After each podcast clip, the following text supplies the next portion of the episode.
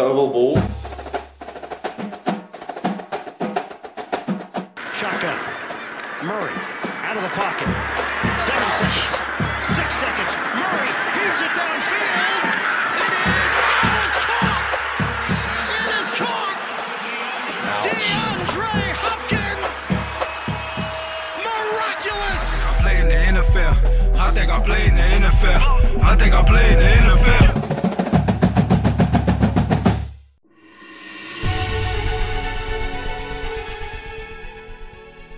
Hjertelig velkommen til Oval ball.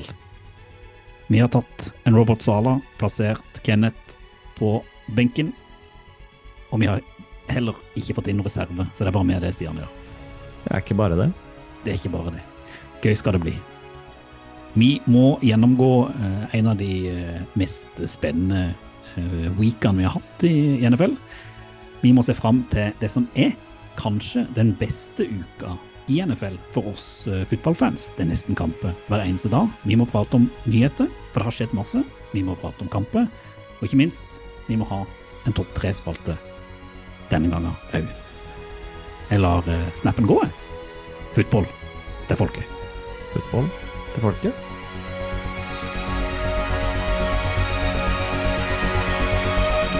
Da har du oss igjen. Oss igjen. Og dette her er liksom, det, dette er kanskje den beste uka i NFL, sånn utenom sånn playoff-uke. For nå er det fotball nesten hver dag. Jeg tror du skulle si det var det er nesten best når Kenneth ikke er her. Vi må, jeg har jo litt vondt av Kenneth, for han ligger over doskålene og spyr eh, as we speak, så vidt jeg forsto. Nei, jeg vet ikke om jeg tror på det. En dårlig unnskyldning. Ja, orka ikke. Nei. Nei, Nei. Omgangsuke under ingen. jeg skal ikke si noe. Jeg hadde koronakaos her for, eh, for en uke siden, så jeg sitter bare og venter på at omgangsuken skal komme og ta oss. Nei, jeg kommer ikke. Skal ikke ha dit. Ferdig. Ja, lykke til med den uh, idealistiske troen. Klimaendringer skjer ikke. Har ikke tid til det. Nei. Apropos klimaendringer, du var på et hotell som har masse snø. Ja, det er festlig opplevelse. Thon hotell snø i Lørenskog. Var på studiesamling i tre dager. Um, veldig rart konsept. Innendørs uh, slalåmbakke. Ja, det er veldig, veldig merkelig. Det er som Ja, testa, jeg fikk ikke tid til å teste, teste den, men det var jo liksom vegg i vegg med det hotellet vi bodde på. Samme Mm. bygget, liksom. Eh, men veldig rart. Eh, sikkert veldig dyrt å drifte. Og ikke veldig besøkt heller. Nei, ikke sant? Og det tror jeg de sliter med. Og så var vi også innom den trampolineparken som ligger eh, vegg i vegg også, på noen sånn teambuilding-aktiviteter og konkurranser. Fikk du hoppa litt? Ja, og vant, selvfølgelig. Selvfølgelig gjorde du det. Mm. Sånn er det. Uh, det har jeg gjort. Hva har du gjort? Jeg har eh, blitt frisk, utro, utrolig nok. Så Ja. blir jeg sikkert syk igjen snart, men nå er all- alle friske, så da er livet godt. Uh, og så har jeg vært uh, Så det er lenge siden, da, men jeg, har, jeg var i svømmehallen med min, min sønn her på, på søndag. Det er lenge siden. På Sofiemyr. Det er jo verdens styggeste svømmehall, tror jeg. Ja, den er nyoppussa til og med. Det ser ikke sånn ut. Det ser Nei. ut som han ble lagd på 60-tallet og fremdeles står der. Men da eh, fikk jeg iallfall eh, Var du i Eh. det store eller lille bassenget da? det lille bassenget og lærte poden å dukke under. Og det er jo en opplevelse, for han skjønte ikke de første gangene at man må lukke munnen. Nei, du var i tissebassenget. Jeg var i tissebassenget, og det er jo gøy for han når han da eh, går under med åpen kjeft og svelger alt dette her. Så apropos omgangssyke, syke, jeg tipper det sikkert dukker opp her i løpet av et døgn eller noe. Ja. Eh, Klorforgiftning, ja. Og så har jeg fått sett masse fotball, så det var jo stas i helga. Da foreslår jeg at vi snakker om det.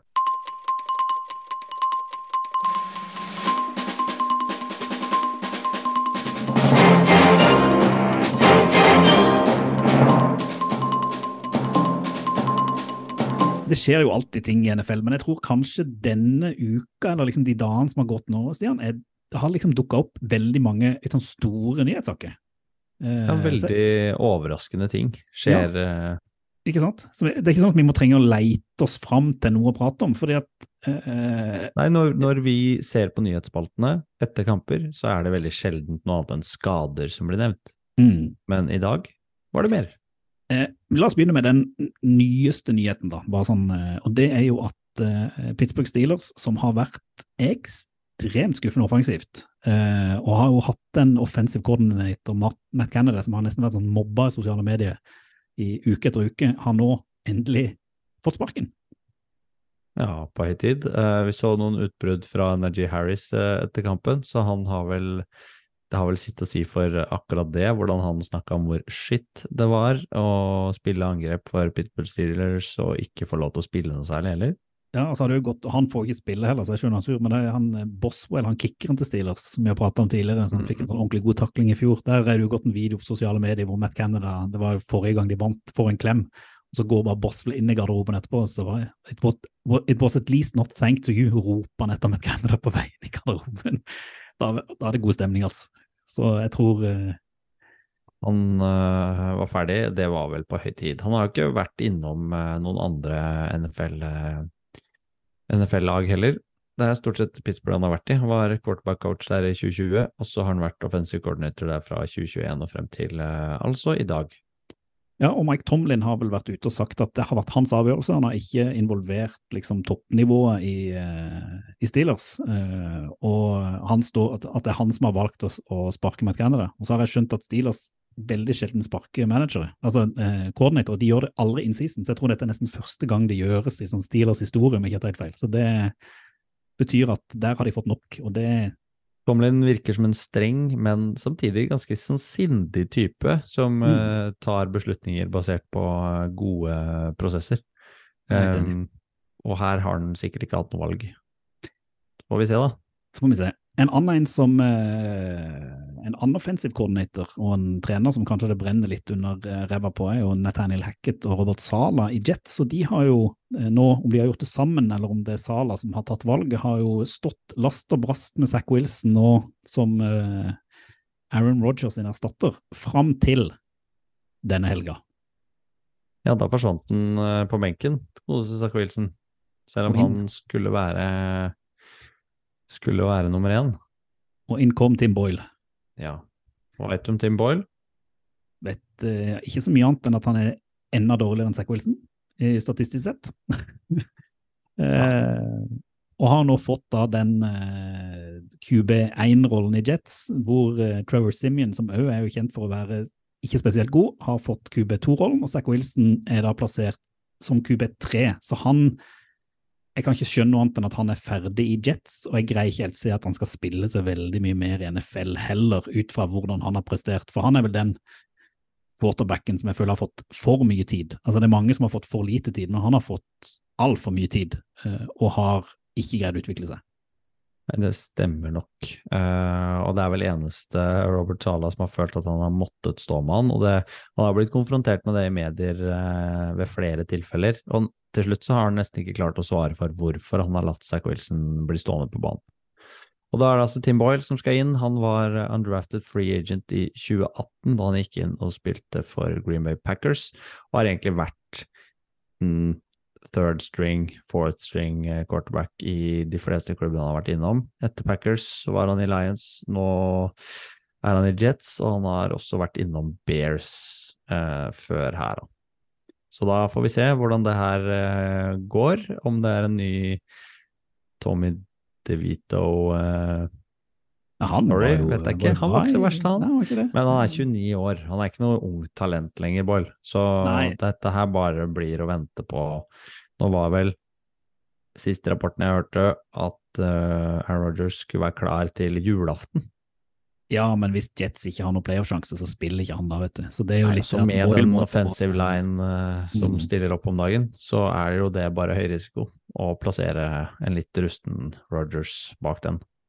Det er sant. Og Boyle leverte ikke når han kom inn for Wilson i kampen, så det er spennende når han skal få lov å starte neste kamp. Eh, og apropos Jets quarterback, eh, Joe Flacco, som var i Jets i fjor, prøvde seg litt der, uten veldig stort hell. Var jo helt fenomenal i Ravens når han kom der som eh, rookie, og tror jo vant til og med Superbowl, har blitt MVP i Superbowl, Joe Flacco. Han har nå blitt signert til Cleveland Browns sin practice squad.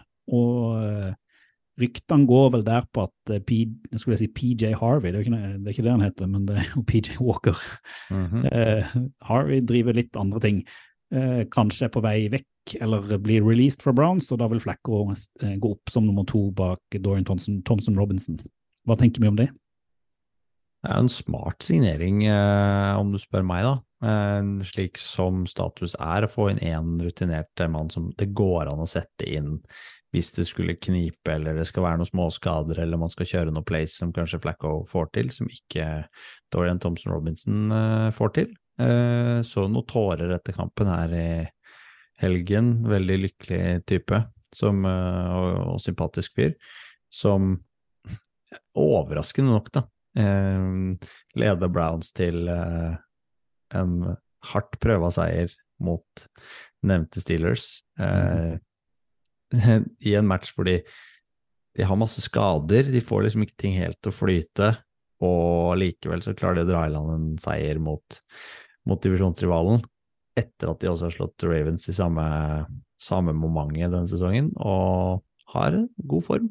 God, god forsvar, så eh, det er kanskje ikke så eh, Og så virker det som om det Stefanski Browns eh, virker til å kunne styre quarterbacken ganske bra, så kanskje Flacco med den erfaringen han har, selv om han ikke er like mobil og kjapp, kan gå inn og gjøre en rolle der hvis det er behov, i hvert fall. Eh, siden kan man kritisere Stefanski litt for måten han coacha opp eh, slutten av kampen. At de, han coacha de jo mer mot å ikke tape enn mot å vinne, hvis du skjønner hva jeg mener. Mm. Og det sjeldent det betaler seg, i hvert fall i NFL. Gjorde det denne gangen, da. Ja, Apropos coaching òg. Eh, Shanahan i San Francisco har fått seg en quarterback som eh, mange mente før de hadde bye, nå var nesten ferdig. Brock Burry. Og så har han kommet tilbake. Og hva har han gjort? Ikke bare kommet tilbake, men nå har han jo hatt den første liksom, perfect game siden Montana og Steve Young i 1989 skal såpass langt tilbake i 49ers-laget. Det syns jeg er sterkt av Brock Purdy. Og for de som så kampen eh, på søndag, så er det veldig lite å utsette på måten han spiller eh, posisjonen om dagen. Eh, og samspillet mellom han og en del receivere og linja og playcallinga til Shannon, den var meget, meget bra. Det er ikke galt. The perfect game. Og helt til slutt, altså nyheter, og det er mange ting vi ikke har nevnt, men jeg tenker det er greit å nevne, det at Indianapolis Colts, det er ikke så lett å si det ordet, det laget, har da sluppet eh, linebacker Shaquille Leonard, som har vært eh, all-pro all tre ganger, så vidt jeg vet. Men det er mye grunn av skade, så vidt jeg forstår. Men eh, eh det er jo eh, litt overraskende. Ja, linebacker, tidligere andrerundevalg. Jeg ble drafta i 2018. Mm, har vel vært såpass mye skada og ikke fått det til å stemme i Colts nå i det siste, så er vel kanskje det som er grunnen, uten at jeg helt fant ut av hovedårsaken. Jeg har i hvert fall lagt ut en uh, hyggelig takkemelding til hele Colts-organisasjonen og fansen uh, på X. Og da får vi se hvor han ender opp. Da. Linebacker er vel ikke for seint å hente de free agent-gutta enda? Nei, det er sant. De tror det Der kan man jo hente inn ennå, så vidt jeg forstår. Så hvis han holder seg skadefri, så er jo han eh, produktiv å få inn i innspurten på en tøff eh, sesong med såpass mye skader, da. Mm. Og så, apropos skade. Vi må jo denne gangen bare prate litt om skade. Men før vi gjør det, så eh, kom jeg over et intervju med Tom Brady. da. Eh, og han, nå er han blitt pensjonist, for nå er han blitt en av de som sitter og prater om at alt var mye bedre i gamle dager. Og blitt ordentlig gammel, da. Ja, og det er litt sånn artig i det intervjuet. Han mente da at NFL er dårligere nå Eh, at det var bedre tidligere, du hadde sterkere profiler tidligere. Og så mener han at egentlig regelverket eh, forhindrer at eh, fotballen spilles på den måten som han gjorde i gamle dager. Alt, han mener at man burde, en del av de taklingene og en del av de eh, duellene man har nå, blir straffa med flagg, som tidligere ble sluppa.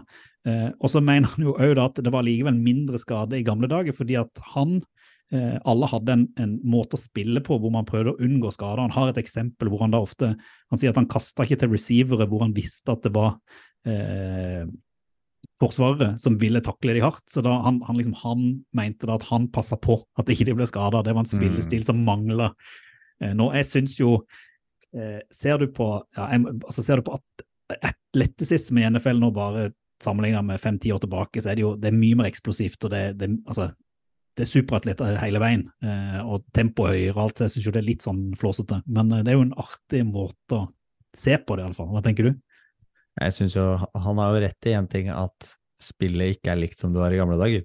Eh, men jeg syns jo det har blitt det bedre, for jeg syns spillerne beskyttes mye, mye bedre, og at skadene i stor grad skyldes tilfeldigheter, kanskje høy belastning på spillere, og en kombinasjon av høyere tempo, større belastning da på muskler og ledd og sener.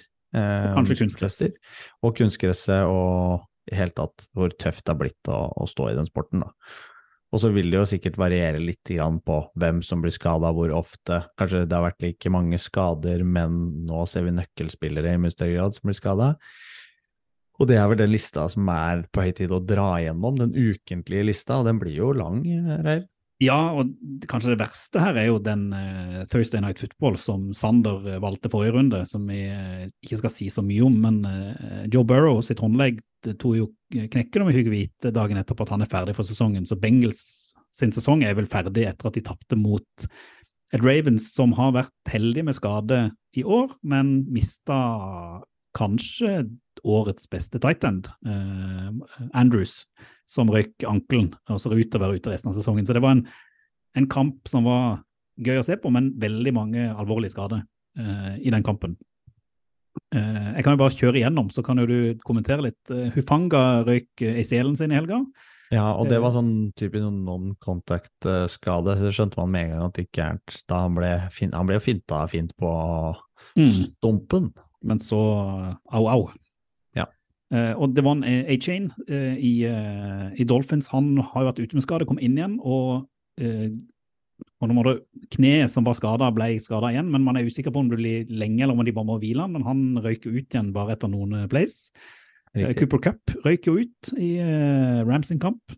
Han har jo vært skada, skada igjen. Eh, usikker på hvor lenge han er ute, men det er vel nesten Han har vært eh, veldig uheldig og liksom ikke kommet ordentlig i gang etter uh, fjorårssmellen han fikk. mm. Så får vi håpe det snur, da. Men sånn typisk eh, Det er vel en ankle sprain han har fått. Mm. Så sprain blir vel betegnelsen på når det ikke er noe som ryker i ankelen, men noe som dras omtrent sønder og sammen av senere, da.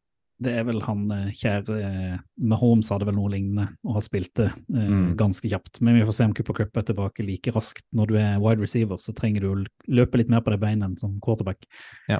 Eh, Michael Thomas, som har vært skada siden han var eh, NFLs beste receiver for noen år siden. Eh, kneet. Uh, Marshawn Lattimore eh, har skada ankelen. Uh, Makaya Bekten skada vel ankelen sin og er vel ute resten av sesongen. Og Aaron Jones skada kneet og er vel òg uh, iallfall ute til torsdagskampen, men ute trolig òg lenger for Ja, Packers. sånn, sånn MCL-sprain, som sier at han har ikke røket noe i kne, men han har liksom jeg det er ikke legetermen, men det å flise på en måte opp leddbånda så kraftig at det bare henger i sånne tynne snører, er jo det man gjør da.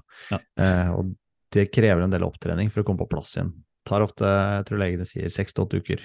Eh, grunnen til at jeg vet det, er fordi jeg har gjort det sjøl. Ja, ikke sant. Du var veldig spesifikk nå, så det var, godt, godt å vite. Og det er jo Jeg må jo si at det er jo sånn, det er jo hvert år, men det er vel det jeg syns er det, liksom det kjipe med NFL, at det er nå så mye skade så, på så sentrale spillere at hele ligaen og hele liksom, Ligaen går ikke dukken, men lag som burde Ja. vært oppi der, mister jo litt eh, underholdningsverdi. Og så lurer jeg på om dette her kanskje i lengden vil føre til at man i enda større grad, litt sånn som man gjør på de gode fotballagene, har dobbel dekning av høyt kvalifisert personell på alle plasser, i mye større grad enn man har nå. Altså man har det noen steder. Noen har dobbel dekning i Forsvaret, noen har dobbeltdekning på eh, receiver, eller til og med at man har en god QB2. Men det er så mye skade at hvis du vil kunne konkurrere, så må du, er det kanskje like viktig å ha en god nummer to på de plassene som det å ha en liksom, topp én, nummer én. Eh, Det innebærer jo dobbel dekning på konto òg. Da må du ha doble lønnstaket, hvis du skal ha mulighet til det. Ja, eller du må rett og slett ikke signe eh, de største stjernene, men du må ha et mer type, type lag. Altså, er også kanskje noen få, få stjerner. Et- Det kommer nok ikke til å skje, men i alle fall på quarterback, som er en sånn helt sånn åpenbar posisjon, så viser det seg jo at de lagene som har en god backup, de klarer seg jo egentlig i mye større grad enn de som har en veldig tydelig nummer én, altså ingenting på, eh, på benken. Ref. Ja. Bengals, f.eks. Ja, jeg har mer tro på Jake Browning enn jeg har på Tim Boyle. Ja, det er sant, men det sier jo hvor dårlig Tim Boyle er, når du har tro på Jake Browning.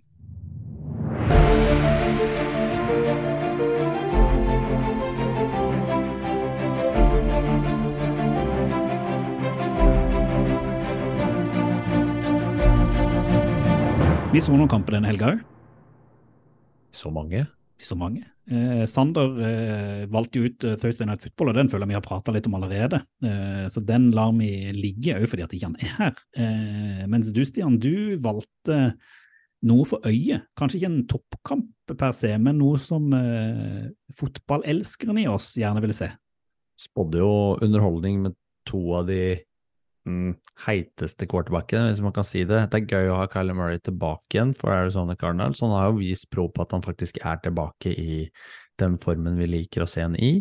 Og så er CJ Stroud i fantastisk form og spiller seg jo liksom inn i en MVP-diskusjon. Eh, Rookie of the Year har han egentlig vunnet allerede, i mine øyne. Mm. Men måten han har fyra opp eh, Texans angrepet med relativt begrensa receiving uh, corps, så syns jeg det er veldig underholdende. Og det var grunnen til at jeg valgte kampen og fulgte med på den. Uh, det er jo den mest underholdende kampen uh, man også har sett som ikke har noen skåringer i fourth quarter. Og det er sant. Det er jo en, der var det jo bare frem og tilbake og turnovers og helt kaos, og skjedde veldig lite eh, poeng, på poengsiden. Men det var underholdende, og, og, to lag som er egentlig interessert i å ta litt sjanser fremover og, og kaste. CJ Stroud er jo veldig offensiv i spillestilen og går ofte for uh, flere gode pasningsspill. Uh, det var et par ganske fete touchdown plays i den kampen. Uh, for eksempel den første Callum Murray har til Rondell Moore, som er både godt kasta og godt mottak og løpt inn av Rondell Moore. Og så har også CJ Stroud en helt sånn fantastisk over skuldra-slynge til Tank Dell. 40 yards. Mm. Kjempegodt mottak. og det er egentlig en kombo og en duo som vi har blitt veldig glad i å følge med på hver søndag, egentlig. Kampen ender jo med en til slutt, syns jeg, fortjent uh, Houston-seier, men Arizona er helt med hele matchen, og det, det står og faller på en, en siste forsøk som, uh, som Calamay har uh, kastet litt for langt ut på venstresiden før de får konverta og fortsatt angrepet, da. Så det avsluttes vel med Hvor mange sekunder er det?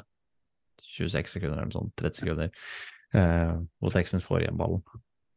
Men jeg synes jo eh, Det som liksom sto ut her, er jo det at eh, vanligvis så føler jeg jo Stroud han er jo så, han er så stabil.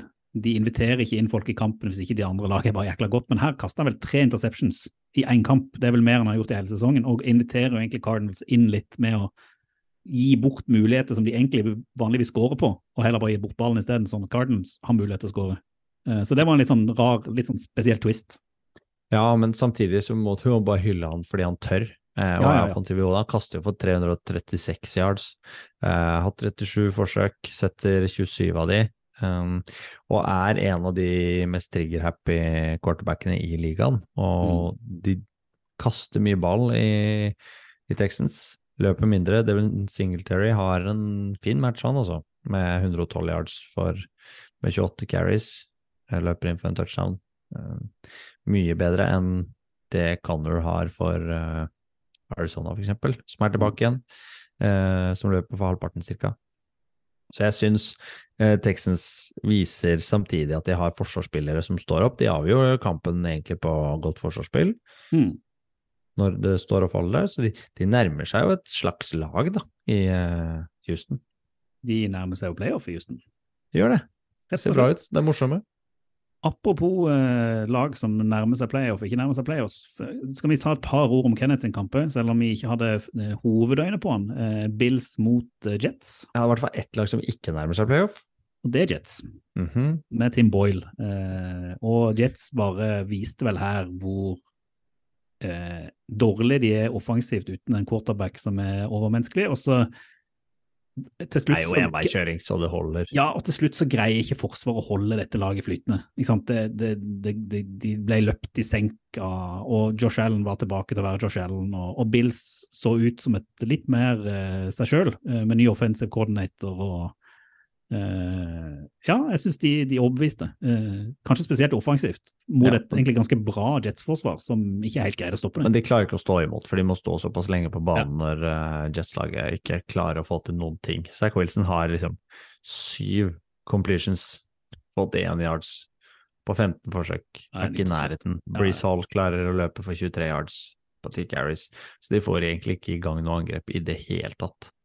Og det sier jo egentlig alt om hvordan den kampen her sto, for det var en Bills-kamp fra ende til annen, og nå ser du i tillegg at Josh Allen begynner å nærme seg en slags sånn playoff-form. da. Så kommer Bills dit, så kommer de til å bli vanskelig å slå. De har bare en tøff schedule, men kommer de seg dit, så kan de gå uh, hure langt som helst. Det er jeg helt enig. Og så det, må vi jo Din prate match var kul. åh, replay av Superbowl mellom uh, Chiefs og eh, Eagles. Eagles i eh, Kansas på Arrowhead. I Og- ruskevær. Og skikkelig ruskevær og en ordentlig toppkamp. Vi har jo begge sett den uh, grundig. Jeg har, liksom, jeg har noen sånne punkter jeg tenker vi bare må gjennom. det er, det er noen ting som sto ut for meg. Det første, vi må prate om været. Må Du du kan- prate om været? Vi må prate om været, for du kan si mye, men jeg syns det er sånn interessant når du får et sånn ordentlig ruskevær med masse vind, masse regn, at det blir en ordentlig våt bane, så må begge lag legge opp et spill som passer til været. Og det jeg syns var interessant, er at begge lag prøvde å minimere risiko, og spilte veldig mye på løpespill og veldig lite pasningsspill, egentlig hele kampen. Altså, eh, det var lite pasninger. Du ser at statistikken både for Hurts og Mahomes er lavere enn den pleier å være, og Mm. begge lag eh, var egentlig ganske gode. Jeg syns Chiefs var uten tvil best med Pacheco som liksom frontfiguren på det løpespillet, eh, eh, som funker veldig bra eh, store deler av kampen. Det var Jeg er ikke det helt enig i at uh, Chiefs ikke gjorde forsøk på mer pasningsspill. Det kom til. Ja. De prøvde, men det var, det var dårlig. Eh, nummer to, eh, det er at dette er kampen eh, på en måte som Det føles noe veldig godt for Eagles å vinne en kamp hvor de er klart dårligst. Eh, mens de kanskje var mye bedre i en Superbowl mot et Chiefs som kom tilbake. For her, her er det Chiefs som taper kampen. Eh, eh, det, er ikke, det er ikke Eagles som går liksom fram og viser at de kan, kan vinne. Eh, og da er vi jo tilbake med noen ting, og det er jo at når jeg satt og så kampen, og den må jeg liksom prate med deg om, for det går mye på sosiale medier om at Chiefs har ikke receivere som greier å ta imot ballen. Og det ser jeg jo. Helt på slutten så får uh, Valdez Gantling en kjempegod ball av uh, Mahomes. Hadde han tatt den, så hadde Chiefs vunnet denne kampen uten uh, problemet. Du har Kelsey som både mister på noen mottak, han fømbler. Han ser ut som han har vært på fest i Argentina med Taylor Swift og egentlig ikke har så mye mer på en fotball... Altså, han ser jo ikke ut som seg sjøl. Og så har du Watson òg som mister et par baller. Men jeg syns òg Mahomes er mye mer upresis enn jeg har sett han tidligere. Tidligere har han sendt dimes, men han, gjennom hele kampen så har han veldig mange kast som er upresise. Det kan være vind, det kan være været, men jeg, jeg syns ikke Mahomes ser ut som den Mahomes som vi kjenner han, hvor alt går eh, liksom strak av veien. Han har noen helt ville kast, det har han alltid, men eh, jeg syns ikke bare det skal legges på receivere, selv om du har noen sånn krisedrops. Men eh, hva tenker du, Stian? Lagspill er det. Eh, Mm. og det handler egentlig om alt fra hvordan linja blir satt opp når det skal forsvares. For han får ganske dårlig tid i pocket i løpet av kampen nå, når han skal sette de pasningene. Han blir ofte pressa, selv om vi vet han er god i de pressa situasjonene. Så tror jeg de gjør noe med han når han ikke har receivere som han har den samme connection med som han har hatt over lang tid med f.eks. Terry Kill. Da Mm. eh, som i fjor, og det ser man kanskje konturene av nå, at det kanskje blir jobba annerledes i fjor. Men her snakker jeg liksom om ting jeg ikke har helt oversikt over, men det kan se litt sånn ut, og jeg er litt enig. Men her er det mange faktorer som spiller inn, som du er inne på med vær og alt mulig. Men han setter bare 24 av 43, og det er ikke Mahomes-statistikk, egentlig. Det ikke det. Samtidig så vil jeg si at det er egentlig en sånn kamp som man ser at Chiefs taper de sesongene de går langt i sluttspillet, fordi de liksom Jeg vet ikke. De tåler å ta og lære av de tapene de gjør her, og jeg tror de gjør det bedre på sikt. Ja. Jeg tror bare Kelsey, for eksempel, mer revansjelysten, eh, med Holmes kommer til å dra seg sammen, for han har jo spilt på et heidundrende nivå tidligere, og det forsvaret som eh, Chiefs setter opp i den kampen mot Eagles, det er et av Med Chris Jones med- og Trent McDuffie i spissen.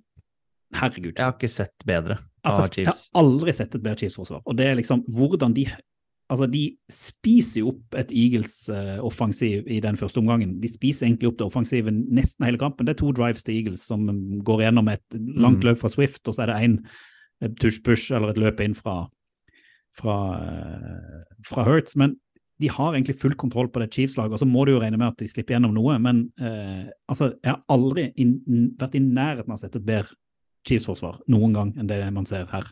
Nei, jeg syns de taper kampen på å være litt upresise og, og dra på seg litt for mange unødvendige feil eh, i angrepsspillet, altså flagg, da, eh, og få Mm. straff eh, og bli trukket tilbake. Og det tvinger meg Holmes egentlig til å ta litt unødvendig risiko òg. Så jeg synes du kan se, se det litt i lys av litt eh, rotete angrepsspill, og at været også ikke tillater perfection, kanskje.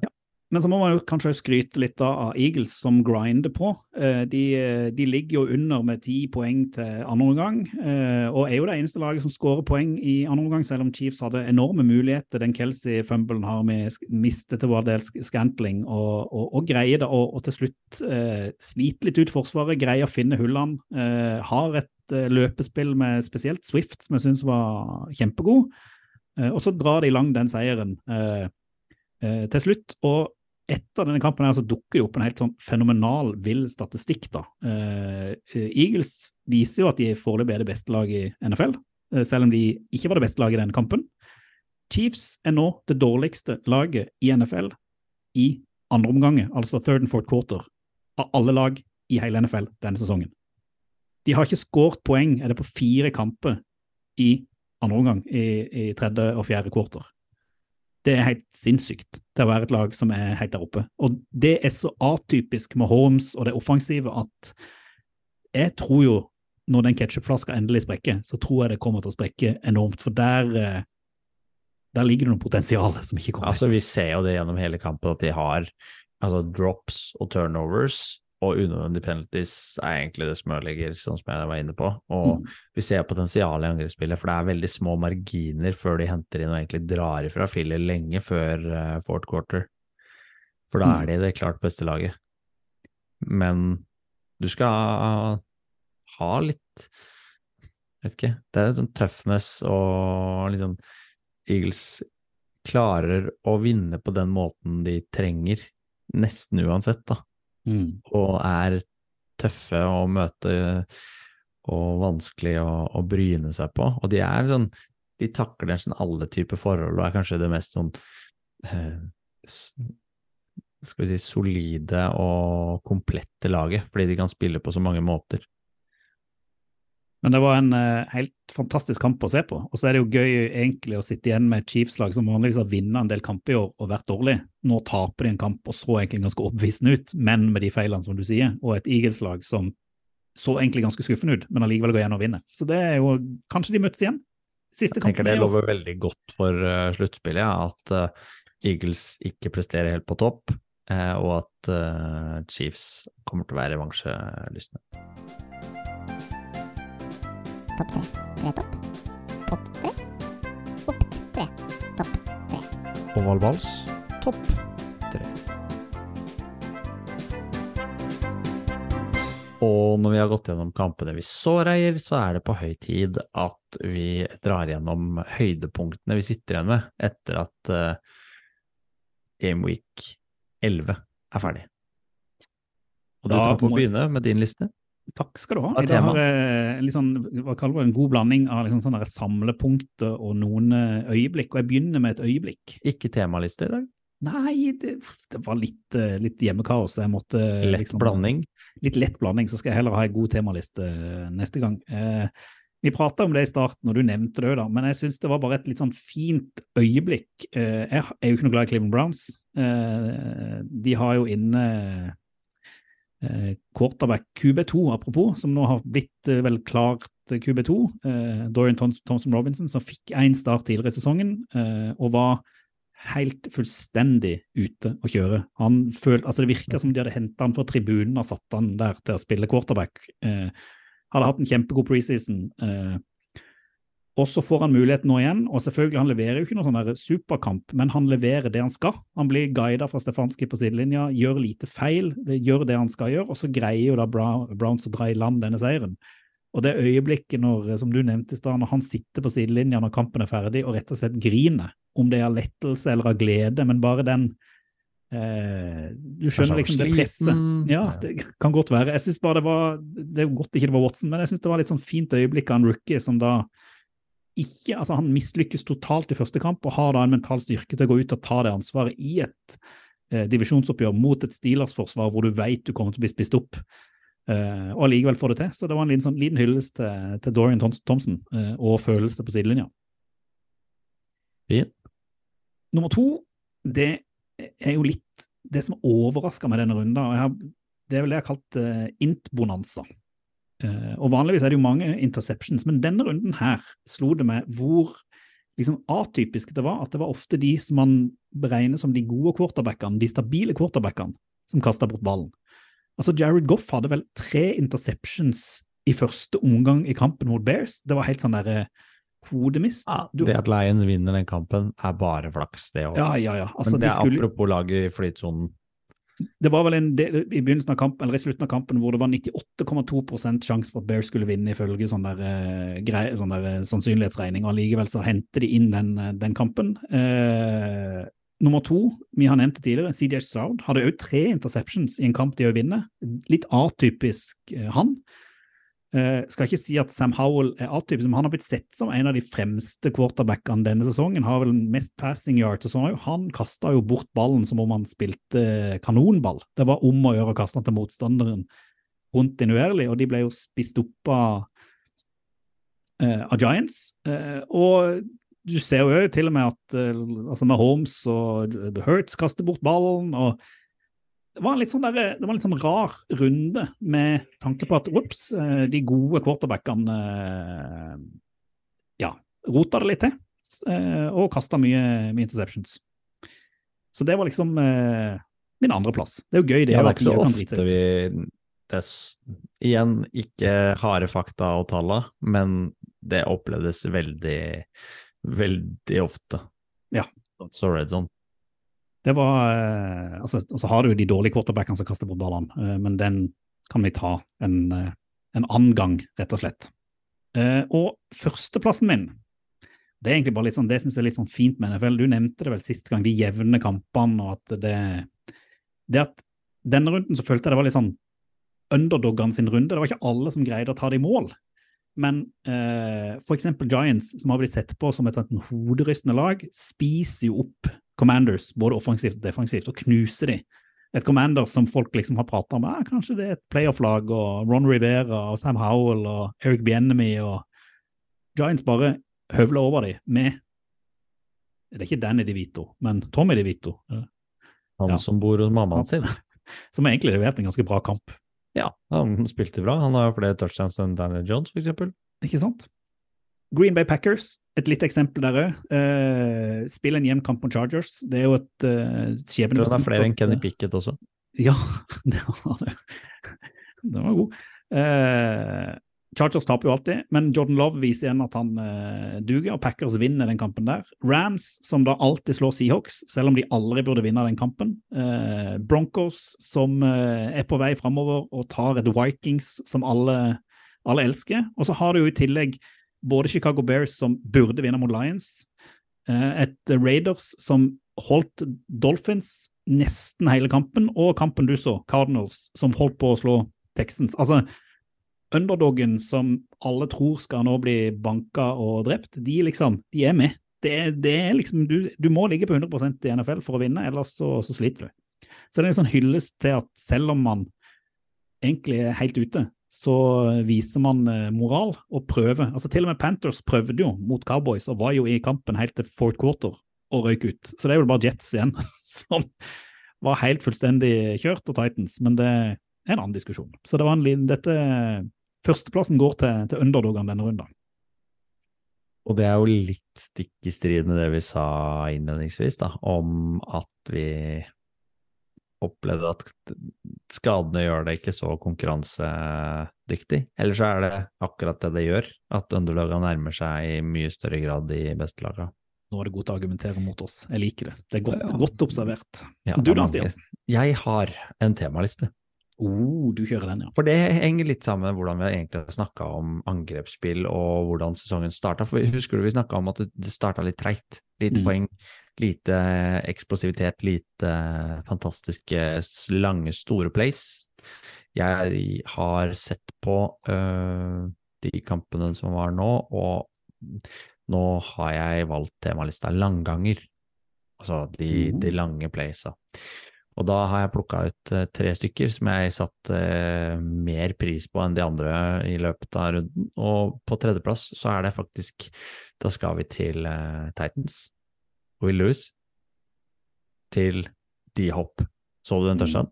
Ja. En frekk flea flicker først, og så en 43 yards eh, touchdown-pasning til eh, D-Hop i en zone. Altså, Kjempefin. Titans sug er det eneste som har fint i år, har vært akkurat den kombinasjonen der. Levis til D-hop. Det er noe å bygge på der. Mm. Det er mangler jo stort sett alt annet. Men så lenge du har to murstein, så har du iallfall noe. Ja, det er i hvert fall underholdningsverdi, det. Er- Det var gøy å se på. Den andre jeg vil trekke fram, er faktisk eh, Brock Purdys uh, touchdown-pasning til Brenn Ayok. Den var på 76 yards. Har, har, noen vært mer alene når de mottar en ball, eller? Nei, jeg synes jo det så helt uh, vilt ut, og at han kom seg fri, og at han kom seg så langt unna. Uh, han løp seg fri, jeg husker ikke hvem han løp seg fri fra, men han ble i hvert fall skada, han motstanderen, i uh, den lille Bucks, duellen. ja. Mm. Eh, og det, til da så var det den lengste liksom, touchdown uh, Ikke løpet, men lengste pasningen. Uh, og så kom nummer én, da. Josh Allen til Khalil Shakir. Så det spillet? Det var på ja. 80 yards. Eh, Det var når Og- Sauce Gardner var ute og ikke var Sauce Gardner. der var Sauce Garner litt for heit på grøten, Mm. som man sier. Han skulle fram og nappe den ballen foran Shakir, og så blir hele overspilt. Og det Shakir gjør etter han tar imot ballen, den er jo ikke akkurat ferdigscora, den pasningen. Ingen måte. Han løper jo fantastisk og, og drar av vel tre motstandere på veien i en sånn. Endrer Mm. retning to ganger. Kjempeløp. Så det er egentlig de tre playsa der jeg har lyst til å ha på min topp tre-liste den runden, og jeg håper på mer av det her, for det tyder jo på at Eller jeg håper at det tyder på at uh, Skal vi si det snur litt, og det kastes mer. Cedar Stroud, fremste representanten, hadde en til tankdel som uh, egentlig burde vært på lista, men den nevnte jeg i stad. Uh, sammen med den til Kyler Murray. Det er det beste jeg har hørt. Dette er gøy. Det der, det er fett. Oval ball anbefaler. Jo aldri gå en oval ball uten en anbefaling, og vi følger vår egen eh, tradisjon, som eh, andre følger juletradisjonen med hva de skal ha på bordet, og en tradisjon som er veldig sterk i USA, Stian. Det er thanksgiving. Den er sterk. Og- uh, og hvilke lag som spiller på thanksgiving, er veldig sterk. Og at det spilles kamper på thanksgiving i NFL, og det er jo en anbefaling vi må gi. Og jeg tror vi gjør det hvert år, men vi kan på en måte ikke slutte med det, for dette er uka hvor det er football til folket på et helt annet nivå enn man nesten opplever noen annen gang. Det er severdige kamper torsdag, fredag, lørdag, men det vi anbefaler da, er jo det som kalles thanksgiving-fotball, hvor det er tre kamper på torsdagen. Tre kamper på torsdag, og første kampen er klokka halv sju norsk tid. Alltid. Lions. Alltid Lions eh, veksler litt på om de spiller mot eh, Cowboys eller ikke. Eh, I Mm. år så spiller de faktisk mot eh, Packers. Yep. Og spennende match, egentlig. Lions som er i form, vant på en dårlig dag, møter Packers som fortsatt ikke er helt ute av playoff eh, contention. Eh, Detroit Lions har jo spilt på thanksgiving helt siden, helt siden 1934. Da eieren, George R. Richards, som kjøpte Lions eh, samme året, ville bygge opp fanbasen og forhandla seg fram til TV-rettigheter med NBC. Og det har gjort det til en tradisjon. Så Og- det er eh, første oppgjør, altså. Packers eh, mot Lions i eh, Detroit. Og det har jo alltid vært en litt sånn traurig halv syv-kamp, eh, fordi at Lions alltid var så dårlig, men nå er det jo plutselig et av NFLs beste lag, så nå blir den halv syv-kampen plutselig eh, ordentlig fyr og flamme. Ja, altså Den hele slaten egentlig på Thanksgiving er fantastisk. For Ja, ja, ja. klokka halv elleve så skal Commanders spille mot Cowboys i Dallas. Oh. Og Dallas har vært med siden 1966, tror jeg de har eh, spilt på Thanksgiving. Ikke sant? Og det kan jo bli en ganske spennende kamp hvis Commanders møter opp på den måten de kan, ikke den måten de møtte med Giants. Og det er jo et divisjonsoppgjør dette, og Commanders pleier å være relativt gode, eh, f.eks. mot Eagles eh, i samme divisjon, så det kan jo bli mer spennende enn man tror. Ja, det er jo ikke gitt, det. Kan jo legge til at Dallas ikke spilte på Thanksgiving i 75 og 77, for da var det et annet eh, lag som skulle få eh, slaten, fordi det var et nytt lag, St. Louis Cardinals, som skulle Ja. spille isteden. Eh, men jeg tror eh, Cowboys i utgangspunktet burde feie over det Commanders-laget, men du veit aldri i de divisjonsoppgjøra hvordan det her går. Og så til slutt, nytt divisjonsoppgjør, eller? Ja. Ja, Thursday Night Football blir jo det på sett og vis, da. Eh, Mm. 49ers mot Seahawks i Seattle, på Lumen Field. Eh, det er jo en match som 49ers ofte vinner, og ofte har kontroll på. Nå har Seahawks en ganske vanskelig avslutning på sesongen. Um, husker jeg ikke alle kampene på rad rekke, men de mørte fall 49ers både nå på torsdag og eh, om to eller tre uker igjen. I tillegg så har de vel igjen Eagles og Bengals, tror jeg. Um, så de skal få det tøft med å nærme seg noen playoff. Men den eh, torsdagen som ligger foran oss, hvis du har mulighet til å lage deg litt kalkun og finne fram noe godt å spise og bare rett og slett lene deg tilbake fra klokka halv sju, det, det er ikke noe bedre torsdag enn det. Det er viktig å komme litt seint på jobb på fredagen. Ja, så kan du gjøre sånn som vi pleier å gjøre, Reier. Hva gjør vi? Vi har også vår egen thanksgiving-tradisjon begynner å få. Ja, vi eh, samles hos det. eh, Bestiller inn litt pizza. Mine unger er jo for små, så jeg må legge de først, men da er jo dine unge med og ser litt fotball i, i starten. Og så sitter vi der utover kvelden og koser oss og prater og ser fotball og jubler fram til man må hjem og legge seg igjen. Tenker, eh, ja, vi har jo tenkt det som en tradisjon hvor ungene skal få være med når de blir gamle nok. Så kan det gjelde bare sovne på sofaen eller låne en seng. Helt nydelig. Og Så det- nå er jo dine to litt små, eh, spesielt hun minste. Ja, hun, hun er jo ofte oppe på den tida, dessverre. Men uh, han, han, eh, han er eldste må nok bli noen eh, år eldre. Par år til. Eh, ja, så, så tar vi han med. Det blir Ja. bra. Topp. Nei, hva skal du se på? Hva skal du se på? Rundens utvalgte. Vi har jo egentlig allerede vendt blikket framover, men vi gjør det en dag til. Vi skal se på kampene som går i eh, week 12, og det som er helt fenomenalt fantastisk med week 12, siden det er thanksgiving, det er at på Black Friday, dagen etter thanksgiving, har NFL funnet ut at vet du hva, vi setter opp en kamp klokka ni på kvelden. Fins det et bedre kamptidspunkt enn det? sinnssykt bra. På fredag kveld, Dolphins mot Jets, divisjonsoppgjør. Jeg må bare hylle NFL for at de fyller fredagskvelden med, med innhold. Det er ikke en kamp vi kommer til å velge, men det, det bør bare nevnes før Burde vært fast. Åh, hver fredag. Herregud, tenk, tenk det. Det hadde vært helt fantastisk. altså, Og det tidspunktet, norsk football til folketidspunkt, uh, football til småbarnsforeldretidspunkt, helt ja, suverent. Eh, nå er ikke Kenneth her i dag, vi har ikke nevnt han så mye, for han skal få lov å ligge over doskåla. Men én ting skal vi gi han. Jeg har gave. Det var gave. Og denne gangen skal du få lov å gi gaven. Ja, jeg syns jo synd på Kenneth eh, når han er så dårlig. Så jeg, jeg syns han på en måte fortjener å få en ordentlig god kamp, eh, noe å kose seg med og virkelig sette tenna i etter en tung sykdomsperiode. Nei, det gjør det ikke.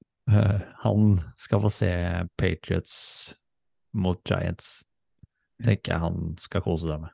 Zappi mot De Vito, da, sannsynligvis. Den er sterk. Den er sterk. Han får jo se K1, da. Han liker jo K1. Han gjør det. Ja. Og Kayvon er i form. K1 er i form. Har tar vel jeg litt troa på Giants i den matchen, sånn som de spilte nå sist. Ja.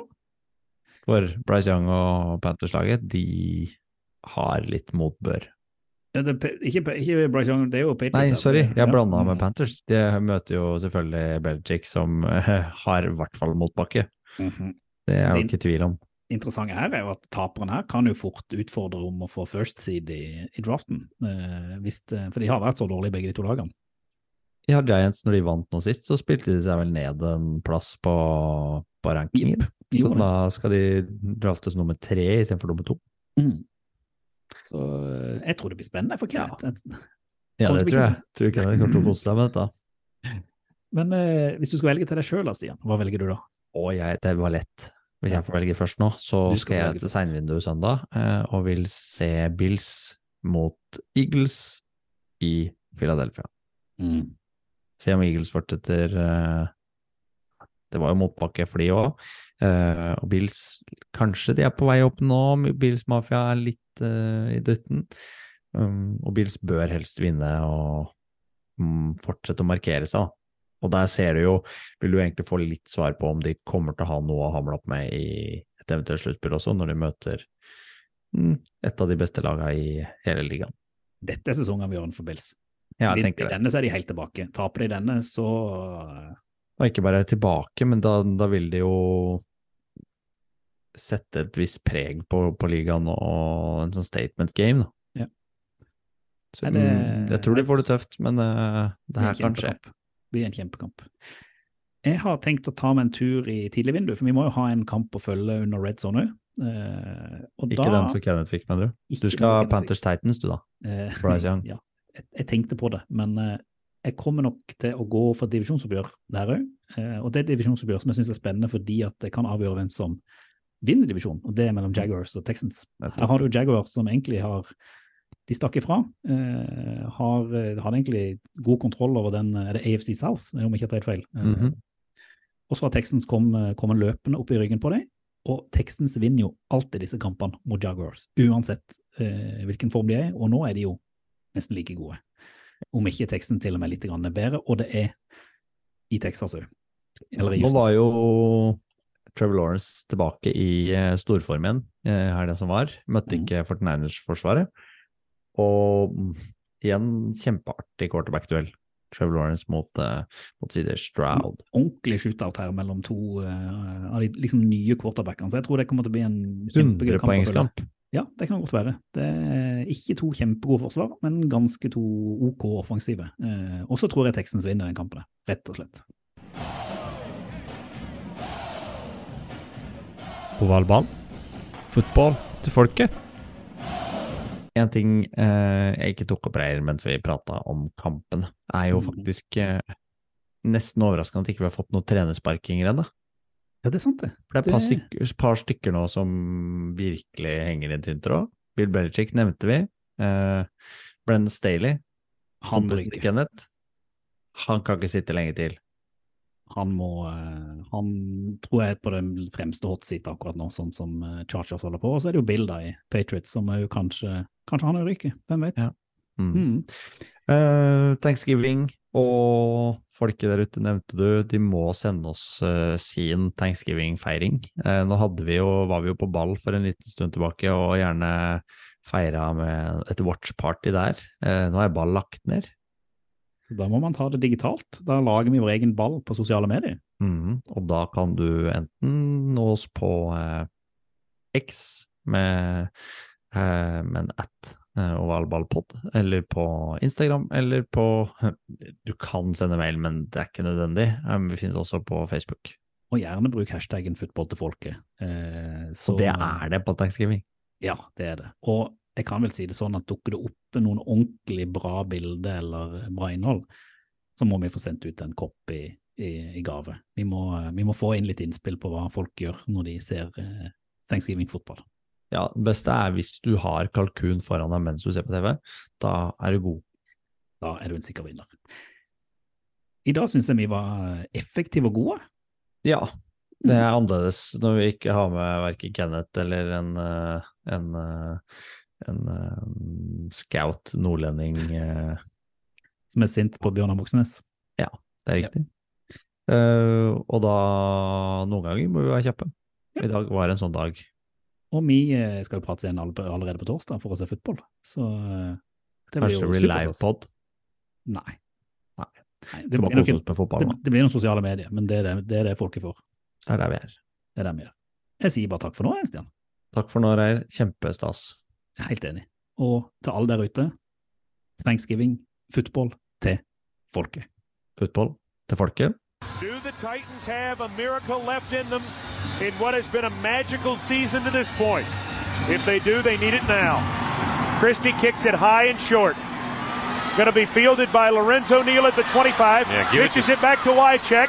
He throws it across the field to Dyson. He's got something. 30, He's got something. 50. He's got it. 40, He's got it. 20, 10. He's got it. End zone. Touchdown Titans. There are no flags on the field. It's a miracle. Tennessee has pulled a